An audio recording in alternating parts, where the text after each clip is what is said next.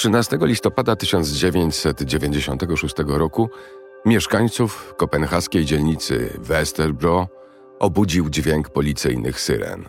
W tej okolicy nie było to niczym nadzwyczajnym. Na lokalnej stacji kolejowej aż roiło się od dealerów narkotyków i prostytutek, więc policja interweniowała tutaj dość często. Jednak tego ranka chodziło o coś zupełnie innego. Policję wezwało równocześnie kilku mieszkańców jednego z bloków, zaniepokojonych przerażonymi wrzaskami dochodzącymi z mieszkania na trzecim piętrze budynku. Jakaś kobieta krzyknęła: Nie, nie, nie możesz tego zrobić. Odpowiedział jej głośny ryk mężczyzny. Za moment mieszkańcy usłyszeli stłumiony hałas, po którym nastąpiła kompletna cisza. Wezwany przez policję ślusarz otworzył drzwi do mieszkania. W przedpokoju leżał na podłodze półnagi młody mężczyzna. Był martwy. Policjanci natychmiast zamknęli drzwi i wezwali Wydział A kopenhaskiej policji, który przybył na miejsce z technikami śledczymi i lekarzem. Funkcjonariusze odgrodzili sporą część ulicy, a chwilę później na oczach ciekawskich sąsiadów z mieszkania wyniesiono do karetki trzy nosze.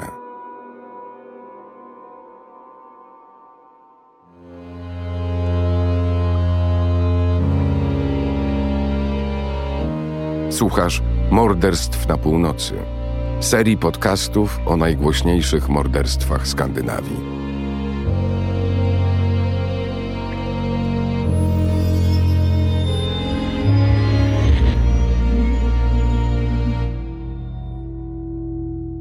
Odcinki bazują na prawdziwych zdarzeniach, które zostały przeanalizowane przez Janę Agard i opowiedziane przez Paulinę Holz. Opisy wydarzeń powstały w oparciu o doniesienia medialne. Powstrzymujemy się od oceniania zarówno zbrodni, jak i sprawcy. Wszystko zostało już osądzone przez wymiar sprawiedliwości. Prosimy pamiętać, że niektóre z opisanych tu szczegółów mogą wywołać silne emocje zwłaszcza dlatego, że mowa tu o życiu i śmierci autentycznych osób.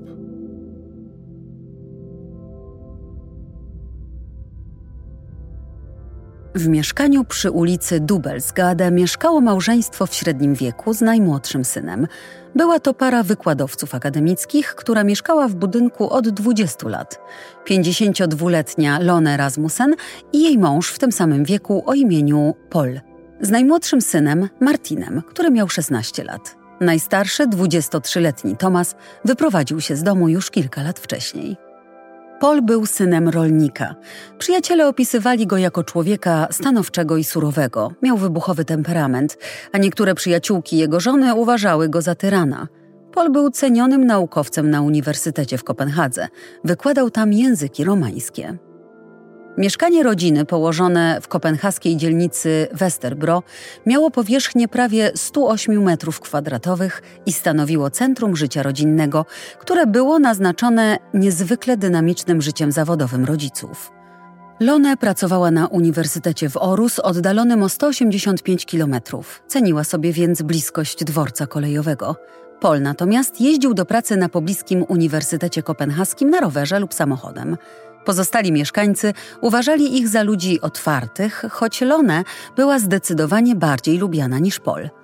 Życie tej rodziny, która według osób z najbliższego otoczenia wydawała się funkcjonować bez zarzutu, w rzeczywistości było naznaczone wieloma konfliktami i przebiegało o wiele mniej harmonijnie niż się wydawało. Polowi nie podobało się to, że Lone codziennie przez tyle godzin przebywa z dala od rodziny – Mieszkając w Kopenhadze, Lone wykładała przez kilka dni w tygodniu na Uniwersytecie w Orus, gdzie była zatrudniona jako wykładowca gościnny języka hiszpańskiego. Kobieta miała duże poczucie humoru i była lubiana przez kolegów. Właśnie zaproponowano jej profesurę w Szwecji. Kończyła pisać doktorat. Oboje mieli wielkie ambicje naukowe i często przebywali poza domem. Zdarzało się, że Lone siedziała nad książkami do późna w nocy – Tymczasem ich synowie byli zdani na siebie. Domowników łączyła miłość do Hiszpanii. Często wsiadali do swojego starego wana i przejeżdżali około 3000 kilometrów za jednym zamachem, nie zatrzymując się nawet na nocleg. W pobliżu Sewilli mieli luksusowy letni domek. Kiedy Tomas wszedł w wiek nastoletni, rodzina się rozdzieliła. Lone i Tomas zostali w Danii, natomiast Paul i Martin pojechali do Hiszpanii. W 1989 roku ojciec z dziewięcioletnim wówczas synem przez sześć miesięcy mieszkali sami w domku pod Sewillą. Członkowie rodziny opowiadali później, że w tym okresie zachowanie Martina uległo zmianie.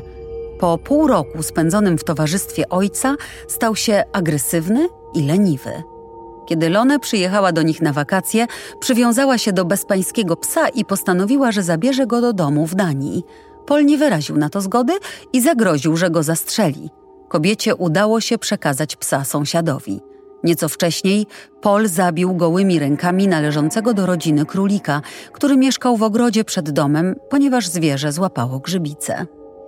Najmłodszy członek rodziny, 16-letni Martin, uczęszczał do pobliskiego gimnazjum w Danii i podobnie jak jego ojciec i starszy brat, był członkiem miejscowego klubu strzeleckiego. Najstarszy syn, Thomas, studiował biochemię na Uniwersytecie Kopenhaskim, pracując jednocześnie jako programista w IBM. W 1995 roku porzucił jednak uczelnię i pracę, motywując swoją decyzję problemami psychicznymi. Thomas zaczął się leczyć u psychologa, który po kilku sesjach zasugerował mu, że powinien udać się do psychiatry, ale nigdy do tego nie doszło. Paul nie chciał, aby jego syn Thomas wszedł w zbyt bliski kontakt z państwowym systemem opieki zdrowotnej, obawiając się, że zostanie mu przypięta etykietka wariata. Thomas eksperymentował z narkotykami. Znajomym opowiadał, że Lone i Paul nie są jego biologicznymi rodzicami i że jego prawdziwa rodzina pochodzi ze Stanów Zjednoczonych. Chłopak często powtarzał, że inni ludzie wysysają z niego energię. Kilka miesięcy wcześniej był z przyjaciółmi w Kopenhadze i kupił tam grzybki halucynogenne. Tomas cierpiał później przez wiele miesięcy na zaburzenia urojeniowe. W końcu Lone zabrała go na pogotowie psychiatryczne. Był sobotni poranek 12 listopada 1996 roku. Lekarka, która zbadała Tomasa, uznała, że chłopak cierpi na psychozę, czyli zniekształcony obraz rzeczywistości. Pomimo tego, że Tomas nie wyglądał na schizofrenika, zaproponowała mu, że przyjmie go do jednego z jednoosobowych pokoi na oddziale psychiatrycznym. Tomas odmówił, ponieważ było to dla niego zbyt głośne i zbyt niespokojne miejsce. Lone przekonała jednak syna, aby wrócił do mieszkania i aby wspólnie porozmawiali o tym, co mogą zrobić, żeby mu pomóc. W niedzielę 13 listopada 1996 roku o godzinie 7 rano Tomas opuścił oddział psychiatryczny i skierował się do mieszkania rodziców na Dubelsgade. Niedługo potem z mieszkania zaczęły dochodzić krzyki, a zaniepokojeni sąsiedzi wezwali policję. Kiedy kilka minut przed godziną ósmą ślusarz otworzył drzwi wejściowe, policjantom ukazał się makabryczny widok. Paul leżał martwy w sypialni z kilkoma ranami postrzałowymi. Martin leżał na korytarzu. Ciało Lone znajdowało się na podłodze w jadalni. Pierwotną wersją wydarzeń było według policjantów podwójne zabójstwo, a następnie samobójstwo sprawcy. Badania kryminalistyczne wykazały jednak, że w mieszkaniu musiała przebywać czwarta osoba. Znaleziono bowiem ślady krwi najstarszego syna, Tomasa. Odwiedził mieszkanie wcześnie rano i, jak się okazało, został postrzelony w nogę. Zmienił spodnie, a następnie włożył do kieszeni kluczyki od samochodu i książeczkę czekową ojca. Tego samego wieczoru Tomas spowodował wypadek samochodowy i został aresztowany. Miał przy sobie 24 tysiące koron, około 3 tysięcy euro w gotówce. Wcześniej zrealizował dwa czeki w dwóch różnych bankach na północy wyspy, podrabiając podpis ojca.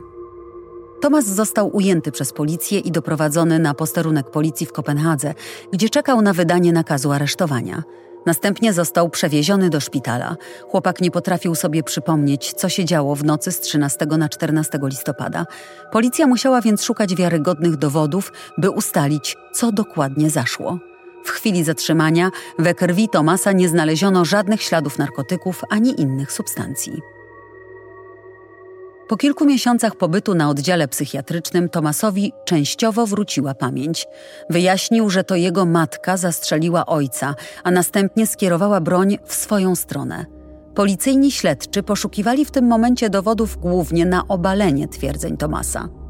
16 marca 1998 roku w sądzie okręgowym rozpoczęła się rozprawa. Tomas został oskarżony o zabójstwo ojca, matki i młodszego brata. Ponadto postawiono mu zarzut fałszowania dokumentów, podrobił bowiem podpis ojca, by po dokonaniu zabójstw zrealizować dwa czeki. Sprawa ta była nie tylko wyjątkowo spektakularną tragedią rodzinną, była to sprawa skomplikowana również ze względu na dużą liczbę powołanych biegłych. Zaangażowano w nią zarówno techników śledczych, jak i balistyków i analityków śladów krwi. Potrójne morderstwo samo w sobie było rzadkością. Jego ofiarą padła praktycznie cała rodzina matka, ojciec i najmłodszy syn. Znacznie częściej zdarzały się morderstwa rodziców, natomiast w tym przypadku zabito również dziecko. W sądzie Tomas powtórzył swoje wyjaśnienia dotyczące tej rodzinnej tragedii. Powiedział, że wszedł do mieszkania i zobaczył młodszego brata półnagiego w sypialni rodziców. Rodzice byli w kuchni i głośno się sprzeczali, prawdopodobnie dlatego, że matka sprzeciwiła się ojcu w jakiejś sprawie. Kłótnie były czymś całkiem normalnym, powiedział Tomas, który wyszedł z kuchni i usłyszał, jak ojciec mocno uderzył matkę w twarz.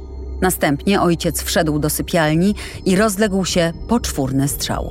Tomas wbiegł do pomieszczenia i rzucił się do matki, próbując wyrwać jej z ręki pistolet, z którego następnie padł strzał. Kula trafiła Tomasa w nogę.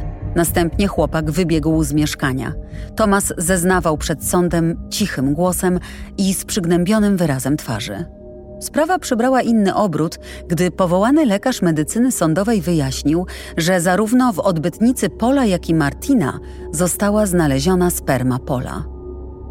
Rozpoczęto długotrwałe śledztwo, aby ustalić, czy w rodzinie dochodziło do kazirodztwa lub wykorzystania seksualnego. Policja zapytała Najwyższą Radę Lekarzy Sądowych, czy sperma mogła trafić do odbytu syna, gdy ten użył ręcznika ojca – Eksperci zaprzeczyli, dodając, że plemniki w nasieniu były żywe. Prokurator przedstawił jednak zgoła odmienne wytłumaczenie śladów spermy. Ponieważ wezwany na miejsce lekarz sądowy miał ze sobą tylko jeden termometr, użył tego samego termometru u każdej z trzech ofiar. W ten sposób plemniki z odbytu ojca miały trafić do odbytu syna. Na ciele Lone nie znaleziono resztek nasienia. Nie było też innych dowodów, które wskazywałyby na wykorzystanie seksualne lub inny rodzaj przemocy wobec Martina.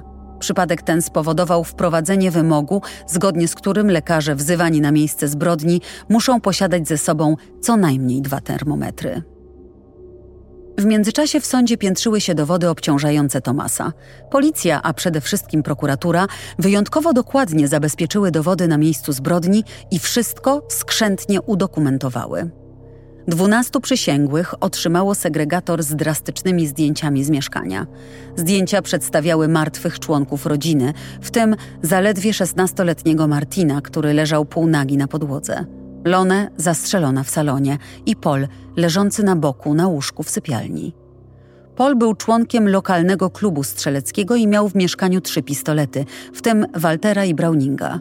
Jedna broń leżała w szafce w przedpokoju, druga w pokoju najmłodszego syna. Żaden z pistoletów nie był przechowywany w zamkniętych na klucz szafach. Razem z pistoletami leżały również pasujące do nich naboje. W ciele Pola znaleziono kule z obu pistoletów, natomiast w ciele Lone tylko kule z Browninga. Szczegółowe zdjęcia i dowody zebrane w miejscu zbrodni przez techników śledczych wykazały, że Pol został zabity we własnym łóżku dwoma strzałami w klatkę piersiową. Nie zdążył nawet zorientować się, co się dzieje. Następnie zginął młodszy brat. Znaleziono go półnagiego w korytarzu z czterema ranami postrzałowymi. Na Browningu znaleziono odcisk lewego kciuka Tomasa. Chłopak jest jednak praworęczny. Oskarżony tłumaczył się tym, że próbował wyrwać matce broń, wskutek czego pistolet wypalił, a kula trafiła go w nogę. Wówczas Tomas wpadł w panikę, zabrał ojcu kluczyki do samochodu i uciekł. Wyjaśnienia Tomasa były wielokrotnie podważane w sądzie przez doświadczonego prokuratora i licznych biegłych sądowych. Specjalista zajmujący się śladami krwi spędził ponad godzinę przy barierce dla świadka, opisując miejsce zbrodni i obalając wypowiedź Tomasa. Długie rozbryzgi krwi na ścianie w korytarzu świadczyły według niego o tym, że to Lone próbowała wyrwać Tomasowi broń z rąk. Jednak pistolet wypalił i kula trafiła Tomasa w nogę. Następnie Tomas użył rękojeści pistoletu, by uderzyć matkę w głowę. Można to było wyraźnie rozpoznać po długich rozbryzgach krwi Lone na białej ścianie. Pościg zakończył się w salonie. Lone uklękła przed małym biurkiem, być może chciała błagać o to, żeby syn zostawił ją przy życiu. Została jednak zabita strzałem w szyję. Łącznie wystrzelono w jej kierunku osiem razy. Następny w kolejce był młodszy brat, którego półnagie ciało znaleziono w korytarzu. Został zabity czterema strzałami. Na świadków wezwano 33 osoby. Jednym z nich był Alex, przyjaciel Tomasa. Opowiedział on o wspólnej wycieczce, na którą chłopcy wybrali się razem w lipcu 1995 roku. W trakcie podróży Tomas miał omamy i siedząc z tyłu za kierowcą próbował wydłubać Aleksowi oczy. Chłopak gwałtownie zahamował i wyrzucił Tomasa z samochodu. Przyjaciele nigdy później się już nie spotkali. Sporządzona przez biegłego psychiatrę opinia dotycząca Tomasa była jednoznaczna. Potwierdziła, że Tomas cierpiał na paranoidalne, schizofreniczne zaburzenie osobowości spowodowane prawdopodobnie eksperymentami z grzybami halucynogennymi. Tomas już wtedy był bardzo wrażliwym człowiekiem, który unikał kontaktu z innymi. Cierpiał na urojenia na temat swojej rodziny, miał halucynacje i słyszał głosy. Na oddziale zamkniętym podawano mu leki przeciwpsychotyczne, aby złagodzić objawy choroby. 27 marca 1998 roku, po dwóch bardzo wyczerpujących dla wszystkich stron procesu tygodniach, po zaledwie półtora godzinnej naradzie, dwunastoosobowa ława przysięgłych Sądu Okręgowego w Kopenhadze wydała wyrok. Oskarżony zostaje uznany za winnego zabójstwa swojego ojca, matki i młodszego brata, powiedział lekko drżącym głosem przewodniczący ławy przysięgłych. Tomas został uznany za niepoczytalnego w chwili popełniania przestępstwa, więc umieszczono go w areszcie prewencyjnym. Obrońca wnosił o zmianę wyroku, aby Tomas mógł odbyć karę na oddziale psychiatrycznym szpitala. Dzięki temu Tomas mógłby pozostać w szpitalu, w którym już wcześniej był leczony. Różnica między powyższymi formami kary polega na tym, że w przypadku tej drugiej to lekarze mieliby podjąć decyzję o tym, czy Tomas jest na tyle zdrowy, że można go wypuścić na wolność. Zwolnienie z aresztu prewencyjnego wymaga natomiast rozpoznania sprawy przez sąd. Prokurator złożył również wniosek o uznanie Tomasa za niegodnego dziedziczenia. Duńskie prawo przewiduje, że osoba, która umyślnie popełni przestępstwo pociągające za sobą śmierć innej osoby, może zostać pozbawiona prawa do dziedziczenia. Spadek, jaki miał przypaść w udziale Tomasowi, był znacznych rozmiarów i obejmował mieszkanie własnościowe, domek letniskowy w Hiszpanii, umowy emerytalne i polisy ubezpieczeniowe na życie. Ale czy rzeczywiście Tomas mógł zostać uznany za wystarczająco chorego, by można było uznać, że nie miał zamiaru popełnić przestępstwa?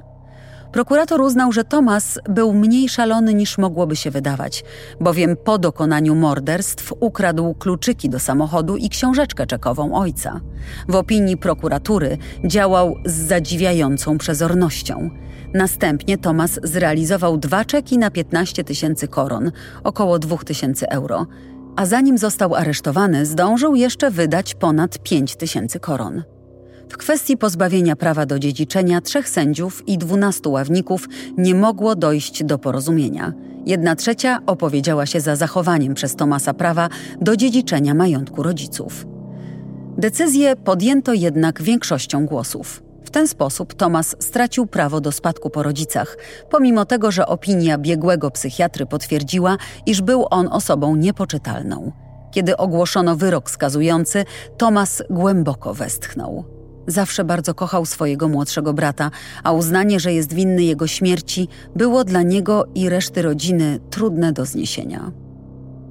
Rozmawiając później z przedstawicielami prasy, obrońca skrytykował wyrok. Policja miała nigdy nie badać ubrań ofiar pod kątem śladów wystrzału z broni palnej. Być może potwierdziłoby to zeznania Tomasa. A jeśli chodzi o dokładne badanie pocisków i strzałów, obrońca twierdził, że Paul był w salonie i prowadził burzliwą kłótnię z żoną. Kłótnia ta zakończyła się śmiercią Lone. Wkrótce po ogłoszeniu wyroku Tomas i jego obrońca wnieśli odwołanie do Sądu Najwyższego, prosząc o zmianę aresztu prewencyjnego na zwykły areszt psychiatryczny. W marcu 1999 roku Sąd Najwyższy odrzucił odwołanie. Prewencyjny areszt skazanego zapewnił mu długotrwałe i gruntowne leczenie. Być może Tomas wyszedł już na wolność i prowadzi dziś zwykłe życie.